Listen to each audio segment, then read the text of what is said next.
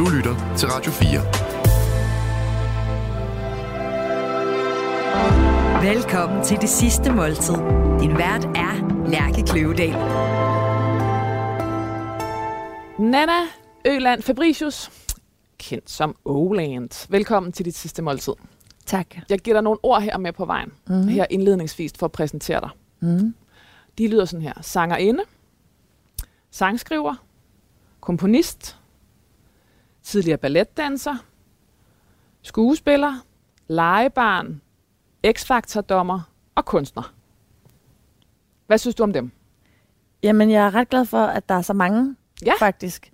Fordi jeg synes tit, så prøver man at lave sådan en øh, skråstreg et eller andet og opsummere det i to ord. Øh, og jeg synes for eksempel musiker, som jeg nogle gange bliver kaldt, eller sangerinde, det er i sig selv ikke rigtig nok. Nej, altså, jeg kan ikke sådan identificere mig med kun at være sangerinde, for eksempel. nej. Og musiker synes jeg ikke, jeg spiller godt nok instrumenter til at være, og kunstner er jeg jo heller ikke, fordi jeg maler ikke mere i hvert fald. Nej, Eller hvorfor? Fordi det var faktisk en af de ting, jeg blev mærke i øh, i øh, researchen. Det, øh, det var et ord, jeg synes, der var overraskende fraværende, fordi det der vel det, du er, mest af alt, eller, eller øh, som overskrift. Ja, eller som øh, man siger på engelsk, artist. Altså Ja. det er jo noget, man kalder musikere, ikke? Ja. artister. Øh, men jo, det er da. Jeg er da øh, skabende, ude, udøvende scenekunstner, hvis man kan sige det på den måde.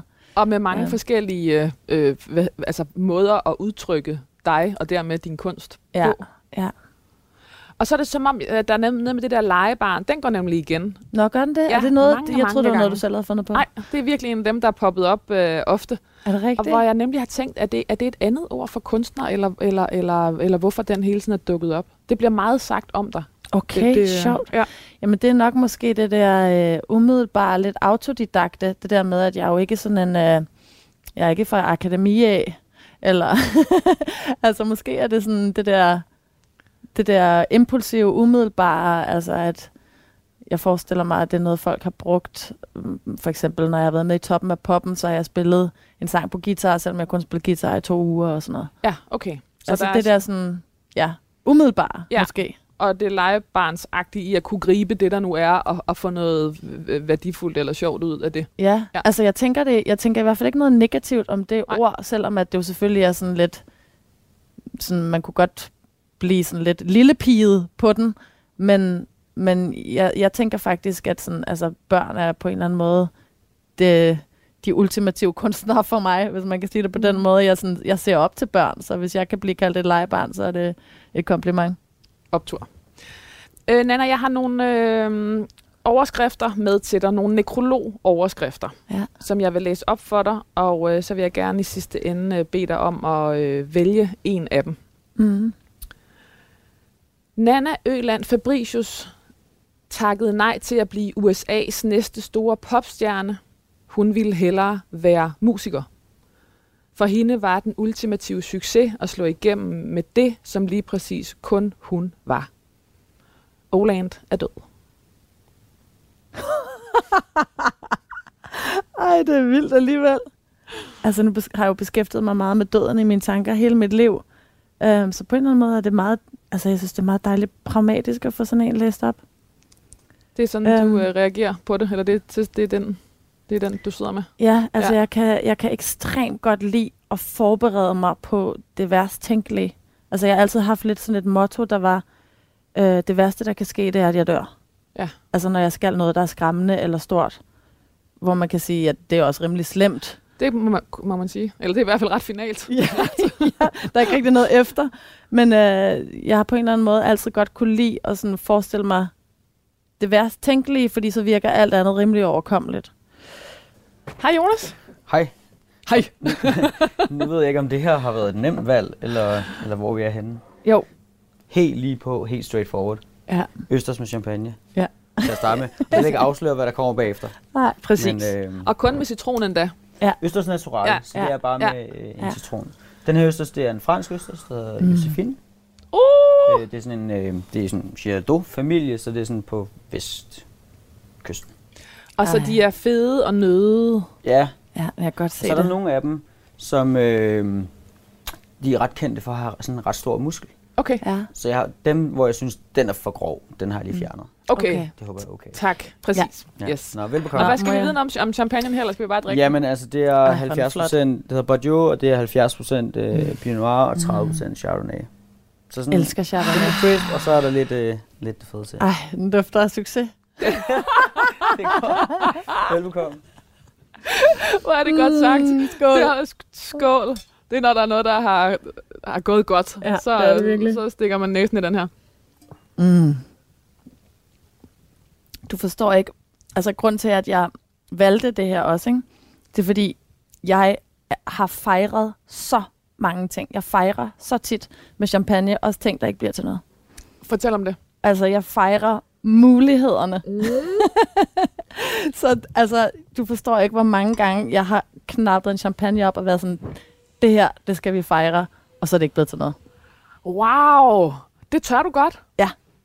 Fordi jeg er jo sådan en jinxmester. Jeg tør jo ikke, øh, jeg tør jo ikke glæde mig til noget som helst, fordi jeg er bange for, at det går galt, hvis jeg glæder mig. Jamen, der har jeg det sådan, at selve den følelse, det er at fejre noget, den kan, den, altså, den kan jo aldrig blive negativ, sådan retrospektivt. Forstår du, hvad jeg mener? Altså sådan, den fest og den følelse, det er. Og jeg tror også på en eller anden måde, for mig ligger glæden mere i drømmen om noget, end det egentlig nødvendigvis, end den egentlig nødvendigvis ligger i at udføre det eller opnå det. Forstår du, hvad jeg mener? Jeg forstår øh, så intenst.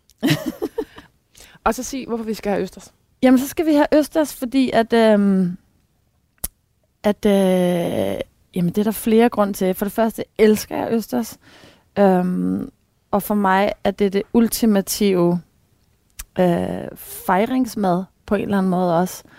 Øhm, og så, øh, altså da jeg var 30 år, så øh, da jeg blev 30 år, så bestilte jeg 100 Østers fordi man kunne få sådan nogle one dollar oysters på øh, sådan en vinbar, der lå tæt på, hvor jeg boede i Brooklyn. Og så inviterede jeg mine venner, men der var ingen, der kunne lide østers. så jeg endte med at spise, altså jeg tror, jeg spiste 80 østers. det var så sindssygt. og var bare sådan pumped op på vitaminer og mineraler og, i det næste halve år. Ja, fuldstændig. Og det er ret vildt at have den der følelse af, der ligger 80 østers nede i ens mave. Ja. Det, er en, det er en fysisk følelse, som jeg ikke har prøvet hverken før eller siden. Ja. Og, det, og de lå der godt, de boede der godt. De lå der godt. Ja. Okay, nej, nej. Øhm, den næste øhm, nekrologoverskrift, den lyder sådan her. Danseren og musikeren Oland var et dødsdisciplineret og fantasifuldt legebarn, der livet igennem kæmpede med ikke at brænde sig selv op. Mm. Den synes jeg var god. Den kan jeg bedre lide end den sidste. Ja. Øhm, og jeg tror, at det jeg rigtig godt kan lide, det er kontrasten mellem at være dødsdisciplineret og, hvad sagde du, legesyg? Ja. Ja, for det er jo to ting, der egentlig ikke rigtig går hånd i hånd. Eller der er i hvert fald en... At være disciplineret, det er jo på en eller anden måde at være struktureret og arbejdsom. Og det lyder ikke lige frem af leg at være disciplineret. Øhm, men og ligesom, jeg føler det, som jeg, som, som tit er den sådan, kontrast, jeg kæmper med selv, det er, at jeg er ekstremt disciplineret, som, som, som du siger, men at jeg også hele tiden insisterer på at være impulsiv, eller være øhm, i kontakt med min, med min kreativitet.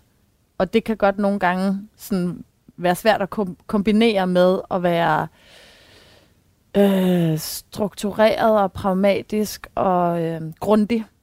Er de uvenner, eller er de afhængige af hinanden, de to størrelser? Jamen, jeg tror ikke, jeg havde fået øh, udrettet halvdelen af, hvad jeg har lavet, hvis ikke, at jeg havde begge, begge dele. Um, så jeg tror, at de, øh, hvis man ligesom skal bruge sin kreativitet til noget, så har man også brug for det andet Mm. i en eller anden grad. Uh, og hvis man ikke bare skal være dygtig, men også lave noget, man, øh, man synes er sjovt, så skal man også have det andet. Altså, så jeg tror på en eller anden måde, at jeg er glad for, at jeg har de to ting. Men det er også, øh, det er også ligesom øh, på en eller anden måde begge dele vand på en mølle, som lige pludselig kan accelerere og nogle gange sådan spænde lidt for hurtigt. Mm. Og det er jo så det, som, du, øh, som den sidste sætning opsummerer. Den, øh, den tredje, den lyder sådan her. Den tidligere ballerina Nana Øland Fabricius fandt i den elektroniske musik både skønheden og det skæve, der ikke var plads til i dansen. Med sine ejendomlige korarrangementer og samlede reallyde blev hun på rekordtid udråbt til et af de største stjerneskud på den danske elektronikahimmel. Oland er død. Nå, den er også lidt cute, fordi den, den lyder lidt som mig i min, i min tidlige karriere. Det er også en, øh, den er også fra politikken af 2008, så det Ja, er det kan lang jeg godt tid høre. siden. Ja. Altså, det var dengang, jeg stadig var et talent. Ja. Et, præcis, en, en mulighed. Ej, det var jo faktisk mit yndlingstidspunkt, sådan rent, øh, hvis man skal sige det på den måde, i folks opfattelse. Altså, der er jo ikke noget bedre, end at være talent. Det er jo på en eller anden måde det bedste sted at befinde sig, fordi folk ser kun potentialet i dig. Folk ser kun muligheden. De ser slet ikke øh, alle de valg, du har forvaltet dårligt, eller sådan, Vi er tilbage til champagne. Ja, fuldstændig. Ja. Altså, det er det Skål mest rene sted at stå på en eller anden måde, fordi du bliver set udelukkende i en positiv optik for alt det, du, mås- du måske kommer til at gøre.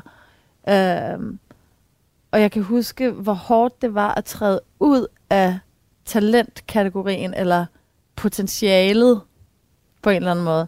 Nu er jeg jo ikke længere et potentiale, selvom det er jeg jo. Det synes jeg jo selv, jeg er. Jeg synes jo selv, at jeg er, øh, stadig ikke har opnået altså 40 procent af, hvad jeg skal opnå.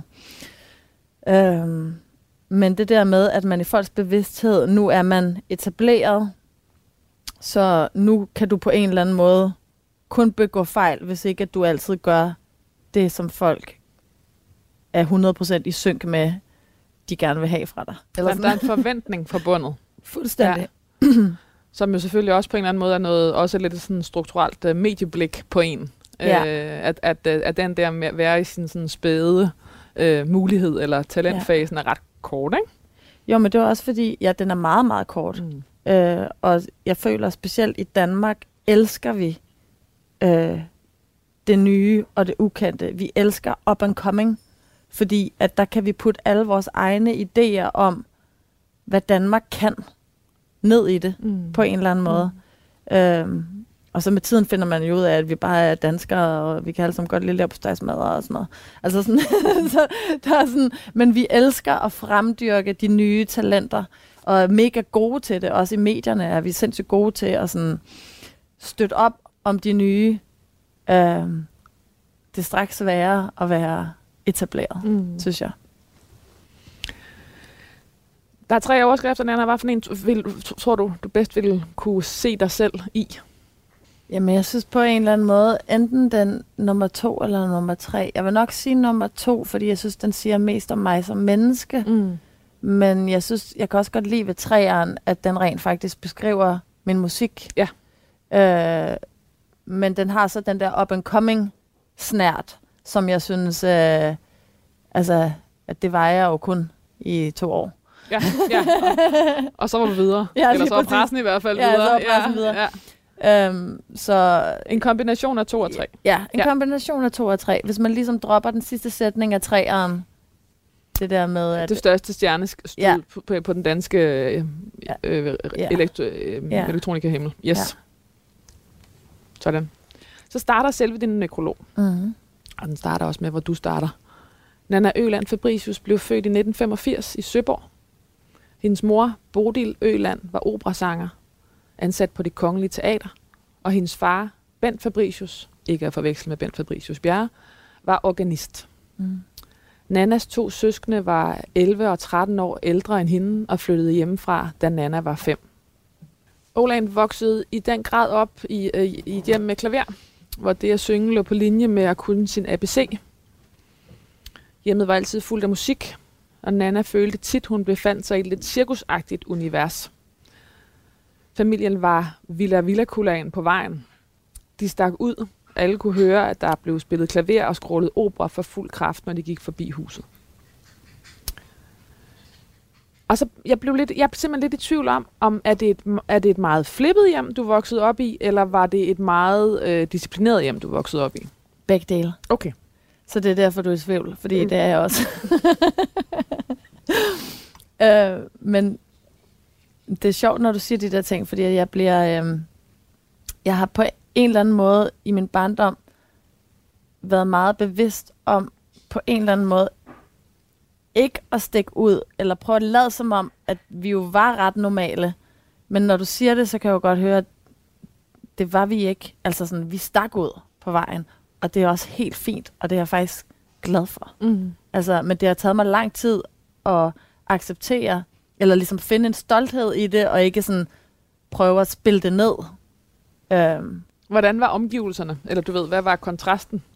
Jamen, kontrasten var bare en, øh, en virkelig dejlig, almindelig villavej, øh, hvor folk havde faste spisetider og øh, havde øh, gulvtæpper og gardiner, der matchede og sådan noget.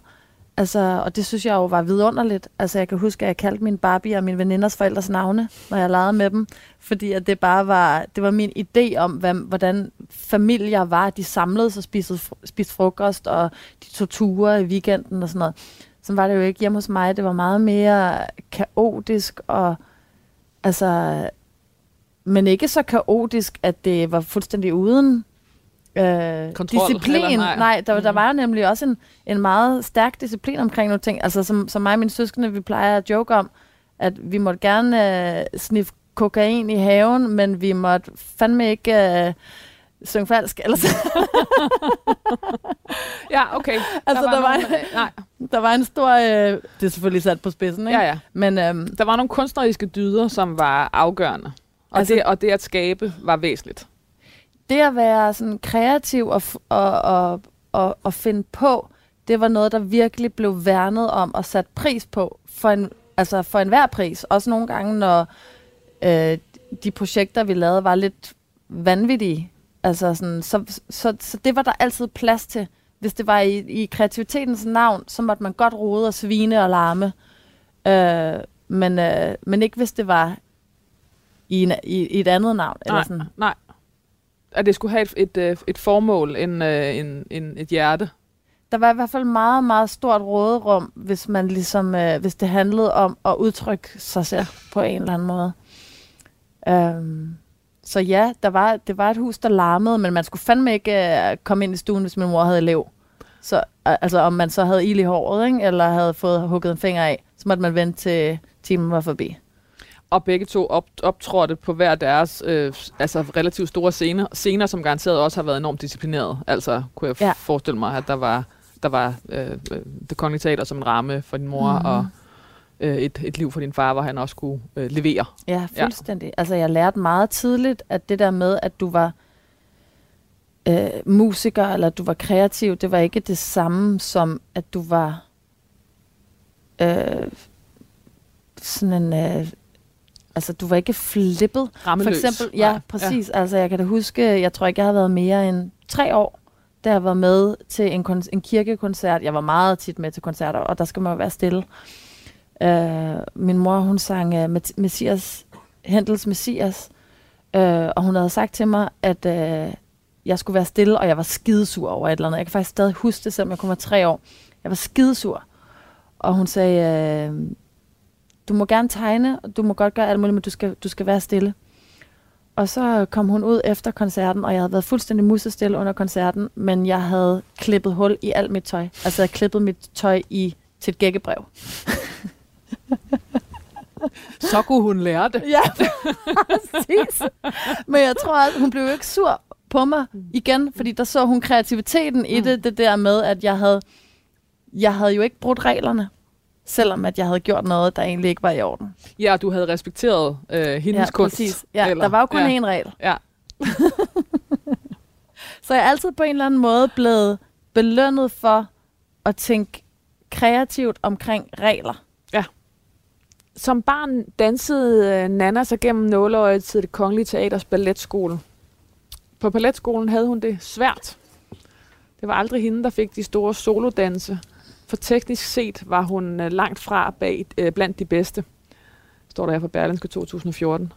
Det var på det kreative... Hvad ved de om Hvad? det? jeg var skidegod. Er det rigtigt? Er det forkert? Nej, jeg var ikke øh, måske den, den klassisk stærkeste. Det var jeg ikke. Jeg, jeg formoder, at det i hvert fald har været i en samtale med dig. Øh, Ja. det, det kan også Ja, være, det lige er væsentligt at nævne, de, at nævne de næste linjer. Det var på det kreative plan, hun var i en klasse for sig. Og når hun og kammeraterne var færdige med at øve Svanesøen på scenen, opstillede hun Kludesøen i garderoben. Mm. Påfø- p- påfundet medførte skæld ud. Øh, børnene på skolen skulle bruge pauserne på at spise og gøre sig klar, ikke til at more sig. Ja. Det var chokerende for Nana. Mm. Jamen, det var også en kæmpe kontrast for mig at komme fra mit hjem, hvor at jeg var vant til at blive belønnet for at tænke kreativt, eller for at finde på. Det var ligesom en kæmpe valuta i mit barndomshjem. Og så komme ind til et sted, hvor at det havde faktisk ingen værdi. Øh, tværtimod, så skulle du reproducere, og du skulle gøre det, der blev sagt. Det var faktisk præcis det omvendte, du det var mødte præcis på det balletskolen. omvendte. Ja. Øhm, og der følte jeg mig meget misforstået. Altså det var helt ned til sådan noget, hvis jeg sagde øh, hej og smilede glad til nogen på gangen, så, så fik jeg sådan et svar som, det hedder ikke hej, det hedder goddag. Eller sådan. Altså jeg blev hele tiden på en eller anden måde i rettesat. Hvad var Øhm. attraktionen i første omgang? Det er svært at sige, at du var lille, men altså, hvad, hvad? Teateret. Ja. Jeg elskede jo teateret. Altså, jeg havde været der, siden jeg var spædbarn. Min mor, hun sang i koret på det kongelige, og jeg blev jo passet af påklæderne, når hun var på scenen, da jeg var for lille til at stå ude bagved. Og da jeg så var stor nok til at stå ude bagved, så stod jeg på sidescenen og kiggede ind. Ikke? Um, jeg elskede som barn at se, at voksne mennesker kunne arbejde med at lege. Mm. Fordi det gav mig håb for fremtiden. Jeg synes ikke, at det at blive voksen på nogen måde var skræmmende. Fordi det var bare sådan, okay, jeg kan blive ved med at gøre det, jeg gør, og oven i købet leve af det. Øhm, og, og jeg elskede at være der, men det var chokerende for mig at opdage, at den verden, min mor var i på det kongelige, det var en helt anden verden, end den verden, man var i som barn, hvor at vi vejede mere eller mindre det samme. Vi var lige høje, vi så fuldstændig ens ud, og vores hår sad på samme måde, vi havde uniformer på. Det, man, man fremdyrkede det, øh, altså det ensformige. Og der var jeg jo vant til, at man godt måtte være individuel. Ej, hvor ser det godt ud. Åh, Jonas! Wow. Ej, nu kommer du med noget, der varmer os. Ja. På jeg denne jeg nok, iskolde med dag. det hurtigt på sådan en kold dag. Ej, kæft, hvor er det er Vi sidder her flot. pakket ind i dynejakker. Men nu får vi varmen. Nu får vi varm mad.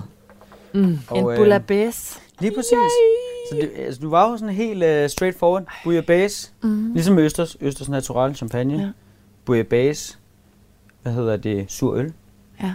Og øh, det er ofte sådan, når det er så lige på, så er folk sådan, jeg mener det virkelig. Ja. Det ja, ja. Du, der er ikke noget... Øh, og- præcis. og Don't med jam. Ja. Don't fuck around. Nej. Så øh, helt klassisk bouillabaisse, øh, som er den her sydfranske skalddyrsfiskesuppe, øh, ned fra Marseille, vil jeg påstå, Ja. dernede af. Øh, med alt muligt. Det er jo sådan en, man bruger lidt, hvad man har. Det er sådan biksemad, Ja. Frankrigs biksemad. Ja, præcis, ja. præcis. Så der er, der er lidt torsk, der er rødfisk, der er hvad hedder det, taskekrabbe, der er jomfruhummer, mm. og der er sådan nogle øh, tæppemuslinger. Tæppemuslinger. Hvad er Ja. det? Er det den Det er der? bare en type musling. Ja. Den kender jeg faktisk slet ikke. ja. Mm. Mm, det glæder mig til at smage. Øhm, og så har jeg øh, og så lidt crotonger, og så øh, hvad, hedder man, hvad kan man sige, suppen er med med nolipra.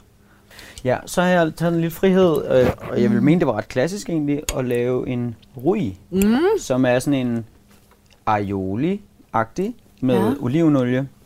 Man kun bruge olivenolie med piment espelette og safran. Og øh, sur øl, det er jo Mm. en ret ny verden egentlig, øh, som bliver større og større. Mm. Det er altså det sure sokker. Hvorfor, gør os klogere? hvorfor, skal vi have, hvorfor skal vi have sur vin? Fordi det minder mig om New York. Mm. Altså, øhm, da, jeg boede, da jeg boede derovre, der var øhm, craft beer. Det var virkelig en ting, der var på vej op nu. Det var efterhånden lang tid siden, jeg flyttede hjem. Det er vel, hvad? 5-6 år siden, jeg flyttede hjem, og jeg boede derovre i 7 år. Og i nogle ret formative år. Ja, det må man sige. Øhm, og der var... Øh, jeg har aldrig kunne lide øl. Altså, jeg har altid sådan holdt mig for næsen og bællet en øl, bare sådan, så jeg kunne blive en lille smule fuld, Fuld. ligesom de andre. Mm. Øh, men jeg har aldrig rigtig kunne lide øl, og så øh, opdagede jeg sur øl. Og der var så mange forskellige slags af dem. Og jeg tror, der var et eller andet med det der med, sådan, det kan jeg virkelig ikke lide, Mm. som triggede mig. Øhm, altså mange af de ting, jeg elsker allermest, det er ting, jeg virkelig ikke har kunne lide. Okay, så du har ligesom, der er noget med at overkomme det. Der er noget med, at sådan, hvis nogen elsker noget, så vil jeg prøve at forstå, hvad det er, de elsker, Mm. hvis jeg virkelig ikke kan lide det. Mm. Altså for eksempel blåost. Jeg elsker blåost. Eller sådan, der, er- der er faktisk ikke rigtig noget mad, som jeg, som jeg ikke elsker, hvis jeg virkelig har sådan hadet det engang. Okay. Og fortæl mig lige, hvor kommer bouillabaisen ind i, øhm, i billedet? Jamen, bouillabaisen, jeg synes, det var rigtig svært at vælge noget. Fordi jeg elsker mad. Mm. Altså, jeg lever for det næste måltid. Det er seriøst en af de største glæder ved at være i live. Jeg tænker tit på sådan, hold kæft, hvor er jeg heldig, at jeg er et menneske, fordi jeg kan spise. Og hvis jeg har, har gået igennem en dag, hvor jeg ikke har fået et godt måltid, så kan jeg faktisk blive lidt deprimeret. Nana Øland gik fra at være et skørt barn til pludselig at blive øh, en meget disciplineret, alt for ung voksen. Nærmest fra den ene dag til den anden holdt hun op med at lege. Da hun en dag grædende kom hjem fra skole, mindede hendes mor hende om, at hun faktisk godt kunne gå ud af egen fri vilje. Hun behøvede ikke at blive valgt fra. Så efter to år på balletskolen valgte hun at stoppe. Følelsen af befrielse var berusende. Mm. Er det rigtigt gengivet? Fuldstændig, og jeg tror, det var det første vigtige valg, jeg tog for mig selv i mit liv. Altså, hvor at den der bevidsthed om, at du behøver ikke at vente på, at naturen gør sin egen udskillelse. Altså, du kan faktisk have en egen bestemmelse i dit liv. Det lærte jeg som 12-årig. Øh, og det der med, at min mor, hun præsenterede den mulighed for mig i et miljø, hvor at det nærmest ikke var, altså, Tænkeligt. Ja. Ja. Fordi det var ligesom, øh, du, du skulle føle dig så ekstremt heldig for overhovedet at være sluppet igennem det nåleøje. Så hvem kan tillade sig at sige nej til det? Øhm, men der, der lærte hun mig virkelig at styre efter mit indre kompas. Og det tror jeg, jeg har taget med mig resten af mit liv. Jeg tror jeg virkelig, jeg har lært noget vigtigt der. Og jeg kan tydeligt huske den følelse af sådan, at det umulige blev en mulighed. Øhm, og det var jo fordi, jeg var, jeg var ret ulykkelig. Altså, jeg var jo ikke ulykkelig over at danse. Jeg elskede at danse.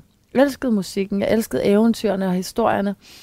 Men jeg kunne slet ikke være i de der meget, meget stramme rammer. Øhm, fordi jeg følte ikke, at jeg lavede andet end fejl.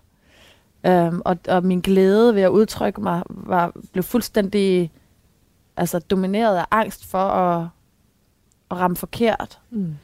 Øhm, og jeg tror også, at min kreativitet blev taget fra mig, fordi den blev ligesom på en eller anden måde hele tiden øh, betragtet som besværlig Mm. eller Fylde for meget. forkert. Ja. Ja. ja.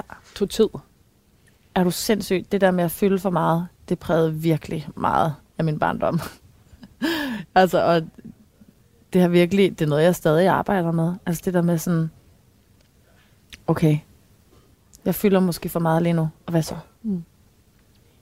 Måske er jeg bare sådan en, der nogle gange fylder for meget. Mm. Nana kom tilbage i sin gamle klasse på friskolen Busses skole i Gentofte, men hun havde ændret sig fra at være hende, der stod på hovedet, til at være hende, der sad helt forsagt bagerst i klassen og pænt rækte fingeren op.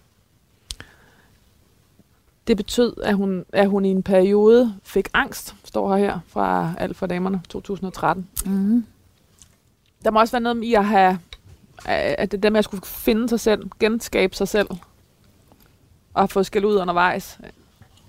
Men det er jo sjovt, fordi, eller jeg ved ikke, om det er sjovt, men der har været meget fokus på balletbørn her på det sidste. Mm. Og specielt dem, der har været inden for de sidste 10 år.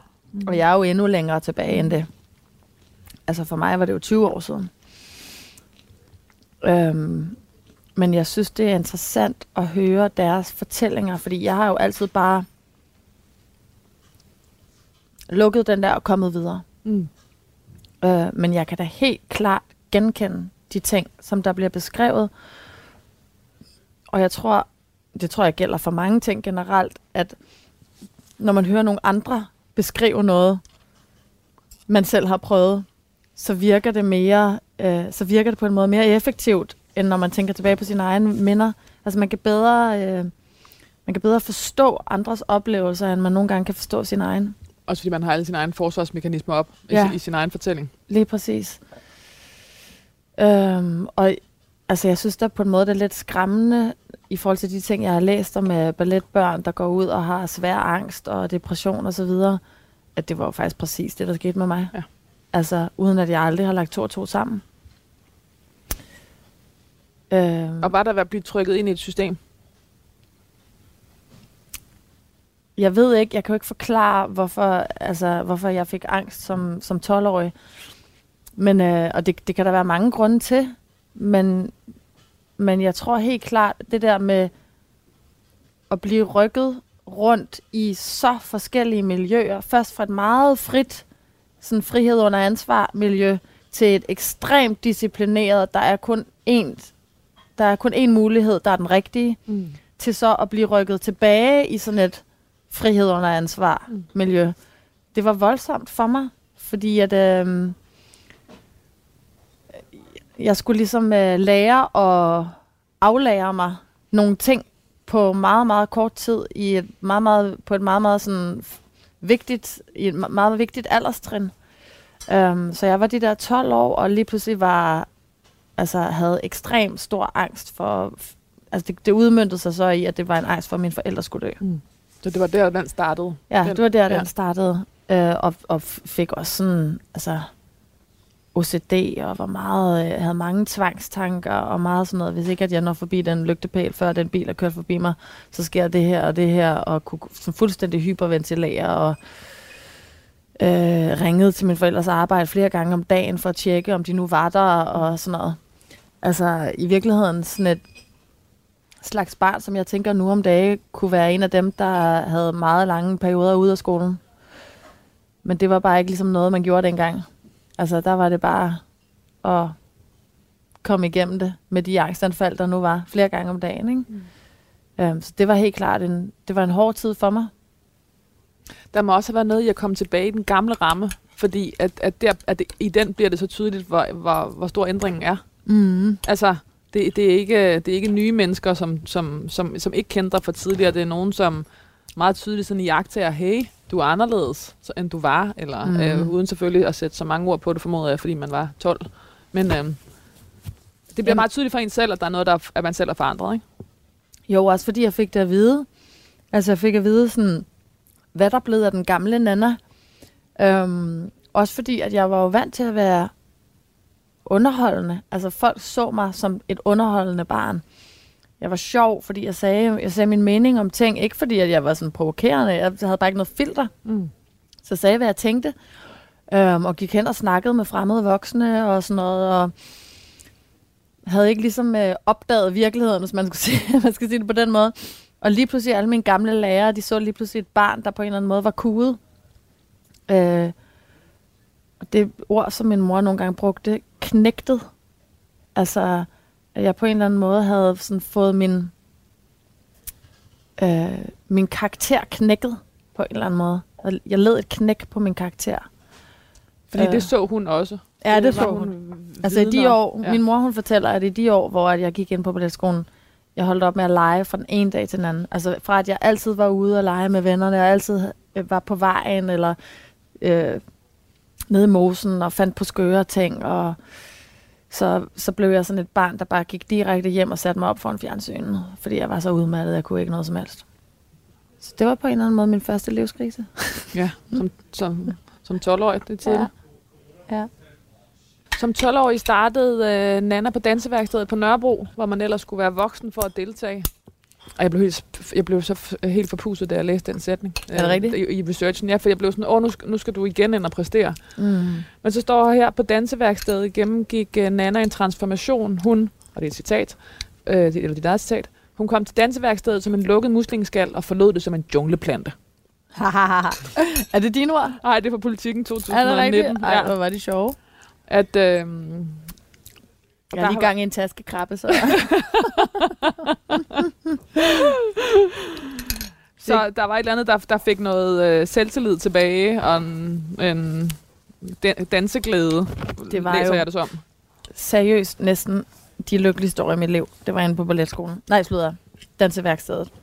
Elskede det. Jeg sådan, hver eneste dag, jeg kom derind, var jeg lykkelig. Og sådan, hvad end jeg havde oplevet af problemer, eller angst, eller stress, forsvandt bare det sekund, jeg gik inden for der. Da Nana Øland Fabricius var 16 år, fik hun lov til at flytte til Stockholm for at danse. Udover, og, og det, var det på den svenske balletskole? Mm. Altså, det, altså, hvad skal jeg sige, ligesom det kongelige teaters balletskole, så var det øh, øh, Sveriges klassiske balletskole. Kungliga Svenska Balletskolan. Og var der så også var moderne dans, eller Ja. nej? Okay, ja. Der var to linjer. Du kunne gå på moderne linje eller klassisk linje. Og jeg gik så på begge to. Okay, fordi Ja. det kunne man. Det kunne man, hvis man kom ind på begge to. Okay. Så du havde dobbelt pensum? Jeg havde dobbeltpensum, plus jeg tog en studentereksamen på svensk. Why? Fuldstændig. Jeg ved ikke, hvad jeg tænkte på. ja. Men det er meget sigende for mig. Altså jeg tænker sådan, det er da smart. Så kan jeg gøre det hele på en gang. Nu er jeg der jo alligevel. Mm. Kender ikke nogen mennesker. Har ikke noget at lave andet, end at bare gøre det. Og så tror jeg også, at jeg tænker sådan, ej hvor sjovt, så kan jeg lære svensk, og ej hvor fedt, så kan jeg bo selv, og være i et nyt land, og tænk alle de muligheder, jeg får, når jeg både kan være klassisk danser og moderne danser. Udover at flytte langt væk fra sine forældre og venner, skulle hun både lære at koge et æg, sætte en vask over og tage en studentereksamen på svensk. Ja. Og mens hendes folkeskolevenner begyndte i gymnasiet, gik til fester, røg smøger og scorede drenge, stod Nana i dansesalen foran spejlet i de fleste af døgnets timer. Mm. Dansen var hendes eneste store kærlighed, som hun havde offret alle sine venner for at forfølge, står der her. Det fra Politiken 2011. Ja. Og så har du sagt til alt for damerne i 2019, det var ikke bevidst selvskadende, men det var destruktivt. Ja. En rygskade satte endegyldigt en stopper for at blive professionel danser. Mm. Nana Yland Fabricius havde danset sin ryg i stykker. Der var meget stolthed forbundet med at lægge dansen på hylden. Hele hendes identitet var bygget op omkring, at hun var god til at danse. Og at det derfor var, og det er et citat, var okay, hvis jeg var dårlig til matematik, og jeg ikke havde så mange venner. Men hvis jeg ikke kunne danse, hvem var jeg så? Ja. Sagt til Femina i 2023. Mm. Samtidig var det en underlig følelse af lettelse. Hun kunne komme videre. De næste tre år gik med at lede efter en passion, der kunne træde i stedet for dansen. Ja. Det må virkelig have været et øhm, ja, maskefald, eller hvad skal jeg sige, identitetstab. Et, Mhm. øh, Jo, for tænk, hvad jeg har offret ja. for det. Ja. Altså, jeg offrede jo nærmest en barndom og en ungdom for det. Og jeg gik fra at være den der, der aldrig kunne ses, fordi jeg altid skulle danse, eller træne, eller ikke kunne drikke, fordi jeg gad ikke have tømmermænd i morgen, eller, ja, du kunne ikke have tørret mand for morgen. eller ikke kunne være ude, ude sent, fordi jeg ville også være udvilet. Altså, jeg så jo på mig selv som sådan en uh, Formel 1-bil, der skulle kunne klare, og det skulle jeg jo også være. Øhm, så det der med lige pludselig at stå uden det, men bare sådan en karosseri, som jeg ikke vidste, mm. hvad fanden jeg skulle bruge til. Og jeg havde ikke trænet mine følelsesmæssige muskler. De var slappe. Altså, det var virkelig skræmmende. Men også måske det vigtigste, der kunne ske for mig som menneske. Fordi jeg lige pludselig blev ydmyg. Nana begyndte at eksperimentere med at lave musik på sin computer. Hun blev bidt af de muligheder, den elektroniske musik medførte og skabte rytmer af hverdagslyde, som hun optog hjemme i lejligheden på Vesterbro. I musikken fandt hun ud af, at der var plads til at være der på hendes egen måde, og hvor der ikke var så mange regler, modsat danseverden. Nana fik blod på tanden og omdannede efterhånden sin lille lejlighed på Vesterbro til hjemmestudie og dristede sig til at smide tre sange på MySpace. Kun en måned efter var der bud fra Kasper Bjørke, som dengang var talentudvikler på Fake Diamond Records, pladeselskabet, mm. som også endte med at stå bag Nanas debutalbum Fauna fra 2008. Mm-hmm. Det var også en fantastisk tid. Fordi det var, øhm, det var en tid, hvor jeg opdagede, at jeg kunne noget, jeg ikke anede, jeg kunne. Men lige pludselig gav det mening, altså i en helt anden form, da jeg som sådan, ja, jeg har vel været 20, da jeg så var kommet ud af de der, ej, 21 har jeg nok været. Øhm, ja, jeg har faktisk først været 21. Og så øh, var jeg jo, fordi jeg var professionelt uddannet, så skulle jeg jo på sygedagpenge. Øhm, og der blev faktisk diskuteret sådan noget. Jeg kan huske, at sådan, der blev sagt førtidspensioneret, og altså, der var, der var mange scenarier igennem, og jeg var på IT-kursus og alt muligt mærkeligt, som jeg blev sendt i ind på På jobcenteret. jobcenter, ja. Ja, ja, ja. Jeg var i jobcentret i sådan 8-9 måneder, hvor jeg var i et forløb der, ikke? Førtidspensionist. Jamen det var du. Du var pensioneret danser. Ja, præcis. Men det var jo også sådan, det vidste jeg jo godt, jeg ikke skulle. Altså, men det var alligevel et ord, der blev sagt. Øhm, og jeg var på de der sygedagpenge. Øhm, og så fandt jeg så ud af, at jeg, jeg skulle jo i jobaktivering. Øhm, og så fandt jeg ud af, at du faktisk selv kunne præsentere, i stedet for at du blev sendt ud og arbejdede i køkkenet et eller andet sted, som jeg også gjorde. Mm. Jeg stod også og snittede en masse løg. Men øhm, så kunne du også selv præsentere et kursus, som de så kunne vælge at finansiere, hvis de, hvis de synes, at det gav mening i forhold til, hvad du kunne komme ud og arbejde som. Og så fandt jeg et, øhm, et kursus på den rytmiske daghøjskole på Vesterbro, som var sådan et all-round musik, sang, daghøjskolekursus, der tog fire måneder. Og mit argument, det var sådan, at nu kan jeg jo danse. Øh, hvis jeg også kan synge, så kan jeg måske lave noget skuespil, hvor at man ikke skal danse så, altså på så højt niveau, men hvor at jeg bare kan synge og ja, lave Mm. lidt musical. Og de var sådan, det giver god mening, det, det betaler vi gerne for. Og så gik jeg der, og det var bare en åbenbaring. Øh, Fauna etablerede Oland øh, på den danske el- elektronikascene med fantasifuldt opsatte koncerter, hvor hun skabte sit eget skæve univers ved at optræde med huse på hovedet og med samlet real lyd af rastlende tændstykker, tændstiksæsker og gryder i kog. Mm. I 2009 vandt øh, Oland k- kronprinseparets stjernedrøspris.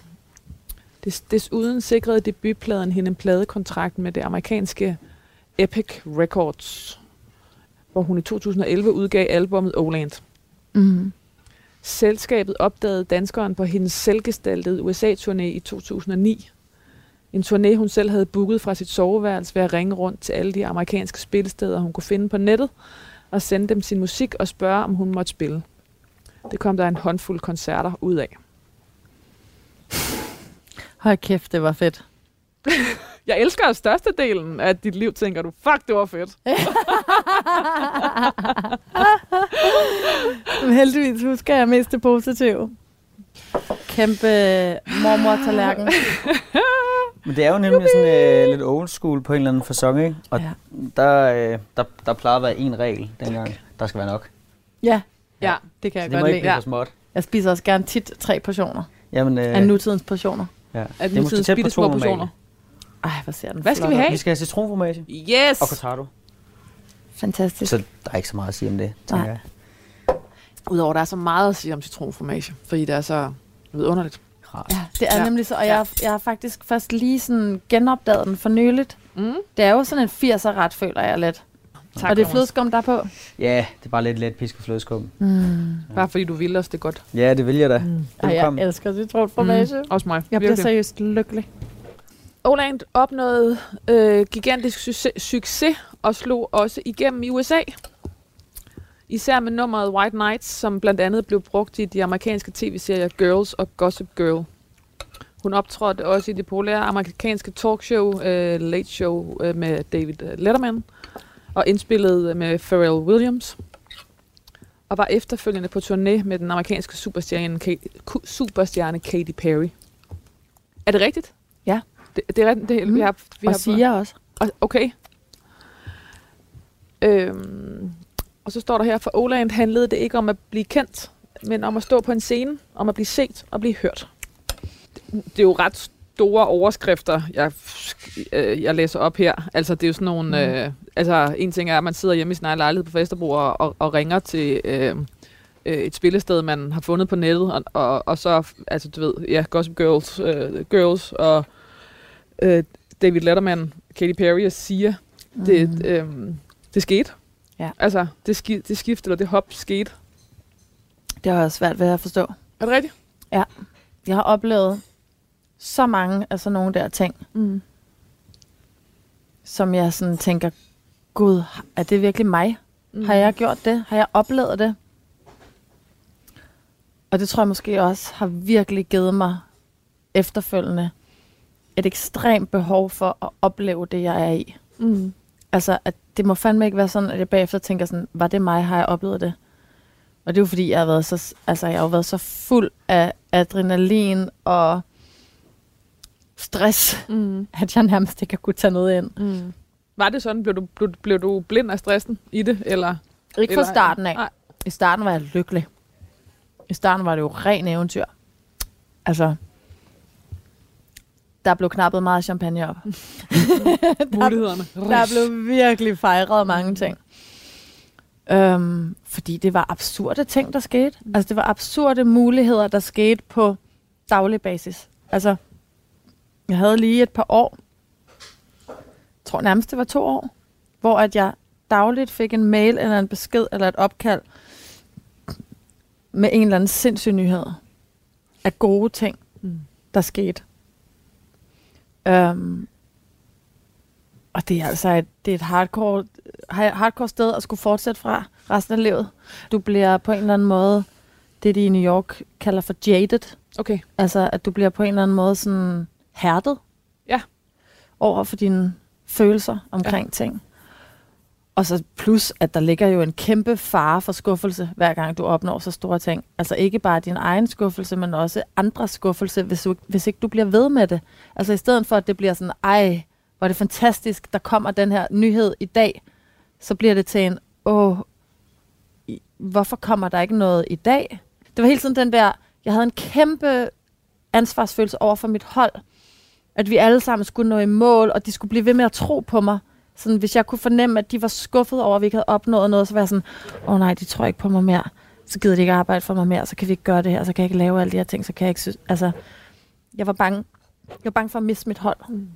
Så derfor følte jeg, at jeg skulle opnå succeser, så de kunne blive ved med at føle sig øh, antændt. Så alle de her, altså det var jo de vildeste fjer i hatten åbenlyst. Altså øh, Mhm. alle de ting, jeg lige har læst op nu. Øh, mm, og noget, du kan, selvfølgelig for evigt kommer til at tage med dig, og som med sikkerhed bliver en del af din nekrolog, øh, Ja. ja. når du når dertil. Men, men, men der var også noget med, at det var fjer i hatten for dit hold. At det var gode øh, overskrifter for dem, og noget, de kunne sole sig i. Ja, men på en positiv måde. Mm-hmm. Altså, det var jo en holdpræstation, ligesom når man som fodboldhold opnår noget. Mm. Jeg tror, at jeg var så bange for, at andre skulle opdage, at det var hårdt. Eller andre skulle opdage, at jeg kunne synes, noget var hårdt. At det gjorde bare, at jeg arbejdede for fire.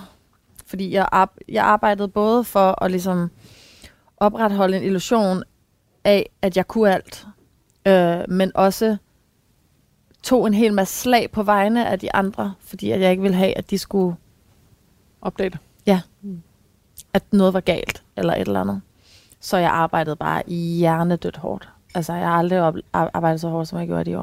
Og det er ikke noget, jeg siger med stolthed. Det er ikke sådan en, ej, hvor var jeg... For der kan jo godt ligge sådan en danserstolthed i at arbejde hårdt. Men det, det har jeg ikke nogen stolthed omkring overhovedet. Altså, Du har arbejdet for hårdt. jeg arbejder totalt for hårdt. Altså, jeg kan ikke huske halvdelen af det. Jeg kan ikke huske, hvordan det var at være i Letterman. Er det rigtigt? Ja. Og jeg var jo stærkt medicineret også. Altså på smertestillende, fordi jeg havde så voldsomme smerter. Og Fordi din, Fik body, alle din mulige- bodyguard stod og råbte og skreg. Din, din, øh, din rygbodyguard stod ja, og fuldstændig. og Den stod og råbte brams, brams, Ja. brams. Og jeg bremsede bare ikke. Tværtimod fik jeg indsprøjtninger øh, ind i ryggen og tog altså, stærke opioider og sådan noget dagligt i mange år. Og det var jo helt normalt. Jeg fik det jo på prescription. sådan var det jo derovre. Plus jeg elskede det jo, fordi det var det eneste, der kunne tage min smerte fra mig. Mm. Og det var, altså ligesom, det var jo muligheden for at kunne stå igennem det, jeg skulle stå igennem. Det var ikke før jeg kom til Danmark og opdagede, okay, det er ikke sådan noget, man udskriver, Mm. åbenbart. Heldigvis, så har jeg ikke et stærkt øh, Afhængighed. afhængighedsgen. Gudskelov for mig. Ja, ja, virkelig. Altså, det er jo præcis sådan der, det starter. Fuldstændig. Altså, jeg forstår ikke, at jeg har kunne fylde mig med den slags i så lang tid, uden at det er gået galt. Altså, det er egentlig ret utroligt. Ja, fordi så fortsætter den sådan her, og jeg er spændt på ordlyden i, øh, i øh, det, jeg læser op nu. Der står det fra politikken 2013. Øh, men elektropop-orkanen blev bremset lige inden den ramte de amerikanske mainstream radiostationer. I efteråret 2012 øh, var Olan kaldt til møde i toppen af Sony-pladeselskabet Epic Records skyskraber i New York. Topcheferne fældede deres dom. De så morgendagens verdensstjerne i Oland. Hun skulle bare lige justeres. Ændre tøj, skifte sit hold ud og dreje musikalsk i en anden retning. Sagt på en anden måde, være en anden. Oland sagde nej tak til Penthouse-kontorets planer. I stedet insisterede hun på sin egen vej, sin egen musik og sin egen producer. Og fik dermed fyret sig selv fra det store pladeselskab. Mm. Men det er rigtigt. Altså, jeg kan i hvert fald ikke sige andet, end at jeg kunne ikke have gjort det anderledes. Mm. Altså, det kunne jeg ikke. Med hver en knogle i min krop. Mm. Selvom at jeg da godt kan tænke sådan, ej, hvad må der var sket, hvis jeg bare havde været lidt mindre stedig, eller sådan, du ved, den der. Men det var jo bare sådan, det var, det var beyond stedig. Altså, det var, det var hele mit, øh, det var hele min identitet. Sådan, jeg havde ikke noget valg. Og var der også, altså, øhm, var der også så samtidig den enorme stress, altså som tog til, øh, og en, og en øh, øh, hvad hedder sådan noget, en, en forskydelse i det, du gjorde? Altså fornemmelse af ikke at kunne mærke dig selv? Øh. Ja, det var der helt klart. Altså på det tidspunkt havde jeg fået så mange steroider ind i ryggen, at jeg opdagede, at jeg havde et hul ind i ryggen, fordi det havde ætset simpelthen. Ej, men det er så klamt. det er i hvert fald meget visuelt. Ja. altså, man bliver helt hul. Ja, ja, fuldstændig. Og det var sådan, øh, så jeg kæmpede også meget en fysisk kamp på det tidspunkt med at bare være så ude af balance, fordi at jeg tit havde sådan nogle sådan nogle ruter, der hed du spiller et, et headline show i New York, så flyver vi til Sydney, hvor du skal spille i operahuset til kronprinsens priser. Så skal du tilbage til LA dagen efter, fordi der skal vi spille den her L Women in Music ting, som er mega vigtig. Fordi det kan være, at du kan komme på forsiden af L eller et eller andet. Men skal vi lige tilbage til Australien bagefter, fordi der skal du spille det her event i den her park, eller et eller andet. Altså, jeg kan huske, jeg krydsede fra altså 180 grader på jordkloden, krydsede jeg sådan noget 3-4 gange på en uge. Og jeg var fuldstændig kvæstet i kroppen. Altså, og i hovedet. Mm. Og det er jeg i hvert fald glad for, at jeg ikke skal længere. Mm. Altså, nu øh, synes jeg, det har været en lang nat, når jeg skal få Kalundborg hjem efter et show. Mm. Ja, ja. Og det er jo også derfor, at jeg i højere grad satser på Danmark og mindre internationalt. Mm. Fordi at jeg, øh, min krop er simpelthen mærket af det. Og pludselig efter 200 koncerter inden for et års tid, den læser 280. jeg langsomt. Jamen, jeg skulle lige til at sige, at jeg har lyst til at læse ja. den langsommere, fordi bare, ja. med, bare med tallet 200. Men, og pludselig efter 280 mm. koncerter inden for et års tid, indså Nana Øland, at hendes historie var ved at gentage sig. Hendes nye store passion, musikken, troede med at brænde hende op og efterlade hende i en krop, der hang i laser igen. Pludselig kunne hun se et mønster, og hun kunne se sig selv brænde ud på det her også. Pludselig så hun et skrækscenario. Hun så sig selv med slidte stemmelæber og ben, der ikke ville gå. Mm. Til alt for damerne sagde hun i 2013, jeg vil jo gerne vise, at jeg mener det her seriøst. Og jeg kan nærmest høre sådan en... Øh, jeg kan næsten høre sådan en, øh, sådan en balletlærer. Ved du det her? Mener du det her seriøst, Jeg er faktisk helt ondt i hjertet af, hvor jeg har sagt det. Sådan som om nogen skulle tvivle på det. Ja. Jeg vil jo gerne vise, at jeg mener det her seriøst. Men min sult bliver alligevel aldrig helt stillet i den retning. Og så er det jo spildt energi at brænde sig selv ned. Altså det er jo nærmest en forpligtelse, hvor jeg kan huske, at jeg kan ikke huske, hvem det er, der er kommet med det citat. En eller anden legendarisk type, der har sagt et eller andet med, at, at talent forpligter. Altså sådan, at det største kriminalitet, du nærmest kan begå, det er ikke at udøve dit potentiale eller sådan noget, ikke? Jeg kan ikke huske, hvem der er, der har sagt det. Jeg tror i hvert fald, der, det er, er, mange, der, er, meget, der, der er meget management, der har taget det op siden. ja, det tror jeg virkelig. Er sikkert udgivet hele bøger om det Præcis. Med, med den undertitel. Ja, noget af en løftestang. Og kæft, hvor, hvor har jeg bare været tynget af ansvar også på en eller anden måde. Over at kunne noget.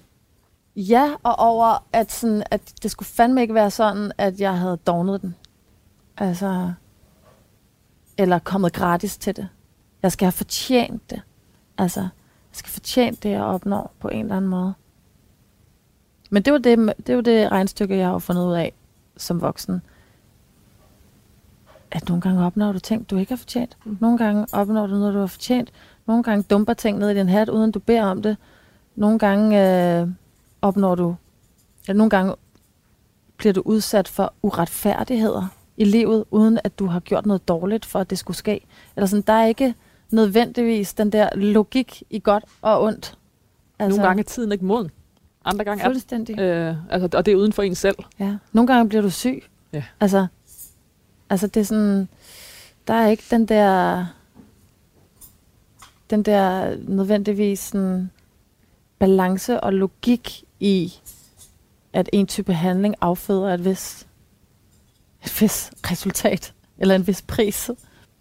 I 2015 og 2016 arbejdede Olaen sammen med dronning Margrethe om Tivolis opsætning af eventyrballetten Askepot. Og i 2019 fortolkede de sammen H.C. Andersens eventyr Snedronningen. Øh, hendes musik var anmelderrost. Flere af hendes sange, heriblandt de to kæmpe hits, Son of a Gun og Renaissance Girl, var P3's uundgåelige.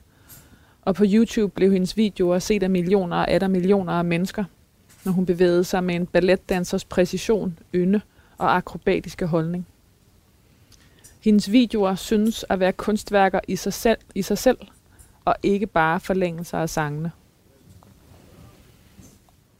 For Nana Øland Fabricius glemte øh, aldrig dansen. Når hun optrådte som Oland, indtog hun scenen med paraplydans, blomsterscenografi og fantasifulde dyrekostymer. Der er som om, der er et eller andet her, hvor det også bliver tydeligt for sådan omgivelserne, at, at nemlig at du er kunstner. Altså, Ja. øh, at det i virkeligheden er det label, der måske Mm. øh, er dit største eller øverste, eller Ja, høj, ikke, hvad det hedder, øh, men øh, vigtigste måske. ja, at det er en rød tråd i hvert fald. Ja. Ikke en stærk sådan Ja. rød tråd. Men det er jeg jo også glad for. Altså ikke fordi det har været et mål i sig selv, Mm. Men, øh, men fordi at det netop ikke handler om dygtighed. Mm. Nana Øland øh, havde karrieren igennem haft roller som skuespiller, blandt andet i Christian Lavrings øh, western The Salvation, hvor hun spillede over for Mads Mikkelsen, Michael Persbrandt og Eva Green. Velkommen på sæt. Øh, filmen fik premiere på Filmfestivalen i Cannes i 2014. I 2023 optog hun uh, Ulla Salims for evigt over for Simon Sears. Hun deltog som coach i Voice Junior og var i flere omgange dommer i X-Factor. Øhm, I 2023 udgav hun sit sjette album, Loop Soup. Mm. Når Nana Øland Fabricius var et legebarn helt ind til knoglerne, kommer den igen. at være popstjernen, legitimerede lejen. Hun fejrede sin barnlighed hver evig eneste dag. Med alderen landede Åland i at være for meget. At gøre ting, hun syntes var sjove og fede, uden at bekymre sig om at holde igen, som hun følte, hun skulle som ny artist. Når Åland var kreativ og skabte, følte hun, at alting kunne lade sig gøre. Hun åbnede helt op for legecentret i hjernen. Nana Øland Fabricius efterlader sin mand, pianist og komponist Adi Sukanovic og sine to sønner, Ernst og Svend. Æret være hendes minde. Åh. Det er ikke nok. Det er ikke nok. Nej, det er ikke Hvad nok. mangler vi? Der mangler en del. Mm. Er det liv, du mangler at leve, mm. Eller er det liv, du har levet? Er der også noget her, vi mangler? Er der noget, vi mangler i en nekrolog? Mm, nej, det synes jeg faktisk ikke. Jeg synes, den er rimelig godt omkring. I mit professionelle virke. Ja. Nana Øland Fabricius, hvad skal der stå på din gravsten? Gør resten for mig. Er man også en erkendelse af, at man når kun... Eller være grådig. Øh, Der, skulle der stå det? det kunne da godt. Som I øh, vil ha- øh, give dig selv lov til at vil have mere? Altså, det er jo en anden måde at sige... Øh, Elsk, mens du tør det, lev, mens du gør det. Men den var bare taget Den af var et, bare et andet taget. band. Nemlig.